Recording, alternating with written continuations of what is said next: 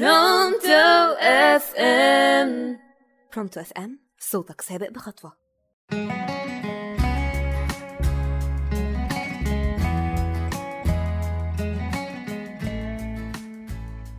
مساء الخير أعزائي المستمعين من كل بيت وكل مكان. أهلا ومرحبا بيكم في أولى حلقات برنامجكم أساطير الأجرام. معكم أمة الله عمرو من راديو Pronto FM طبعا كلنا بالليل بنشوف النجوم كتير جدا في السماء. بنعتبر إن هي آلاف النجوم لكن في الحقيقة هم في الأول وفي الآخر تسع نجوم بس. في برنامجنا هنعرف أسماء النجوم ديت إيه وقصة وأسطورة كل نجم من دول إيه والآية الكريمة اللي بتكرمه في السماء إيه هي. أول نجم من نجوم السماء هو نجم الشعر اليمني أو نجم قوم عاد المزعوم زي ما كتير جدا بيسموه بالأسامي دي.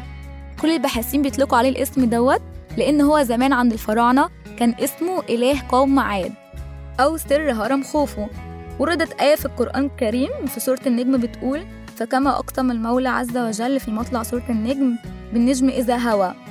خدوا الآية ديت كإثبات لدليل وجود نجم الشعري اليمني لأن هو كان موجود أيام الفراعنة بيقدسوه بسبب بناة الأهرام. أكدوا بيه هنا إن في كل شيء في القرآن الكريم ما تذكرش غير نجمين نجم الشمس اللي موجود في كل معظم آيات القرآن الكريم وطبعا الشمس ما فيش غنى عنها إن هي أساس الحياة وإن بدونها الحياة هتقف. تاني نجم هو كان نجم الشعر اليمني اللي كل الفراعنة استخدموه كإله ليهم وكتير جدا قبل البعثة المحمدية كان بيعبدوا أول حاجة مصدر إضاءته كان أقوى إضاءة من الشمس لأنه كان سائر النجوم اللي لا تعد ولا تحصى بأن ليها آلاف من النجوم كتيرة جدا مثبتة بنجمين نجم ضخم كبير بيدور حول ملفه نجم صغير قزم أبيض. وكان بيقال إن النجم الصغير القزم الأبيض ده هو اللي بيحمي النجم الكبير وإن هو اللي بيحمي الإضاءة بتاعته. بعده عن الأرض 8 سنين ونص سنة ضوئية. أكتر نجم أنت ممكن تشوفه بعينك بالليل زي نجم الشمس والقمر بالظبط. سطوعه من الأرض هو رابع نجم الإضاءة بتاعته كبيرة في السماء الترتيب بتاعهم بالظبط الشمس القمر كوكب الزهرة. نجم الشعري اللي الفراعنة زمان قدسوه. قوم عاد زمان استغفر الله العظيم كفروا بالله عز وجل كانوا بيقدسوا نجم الشعري ودي الرواية اللي اتقالت. كان ليها مردود في الدعاء إن هما كانوا بيبنوا الأهرام وإن هو إضاءته كانت أكبر من إضاءة الشمس فساعدهم في بناء هرم خوفو. كمان الأساس عندهم اللي اتبنى عليه الأهرام وبالأخص الهرم الأكبر.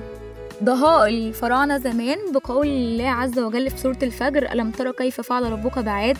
أرم ذات العماد التي لم يخلق مثلها في البلاد. لكن باحثين كتير جدا قالوا إن الحضارة زمان كان بتقدس نجم الشعري وكان اسمه سوسيس وده كان تجسيد للإلهة إزيس أخت الإله أوزوريس. ومن هنا لقينا قبيلة في دولة مالي بتمارس المعتقدات دي يعني بتمارس معتقدات من 3200 سنة قبل الميلاد.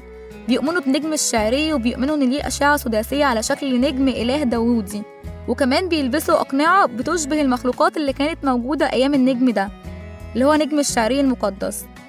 هنا قدسوه وأقسموا لخلقهم وقومهم إن هو رب الشعري فهناك من كان بيعبده في البعثة المحمدية وجابوا إن دوت كان دليل عليه إن هما كانوا بيلجأوا له قبل البعثة المحمدية. وهم كمان متوهمين جدا بأن هو الإله العظيم.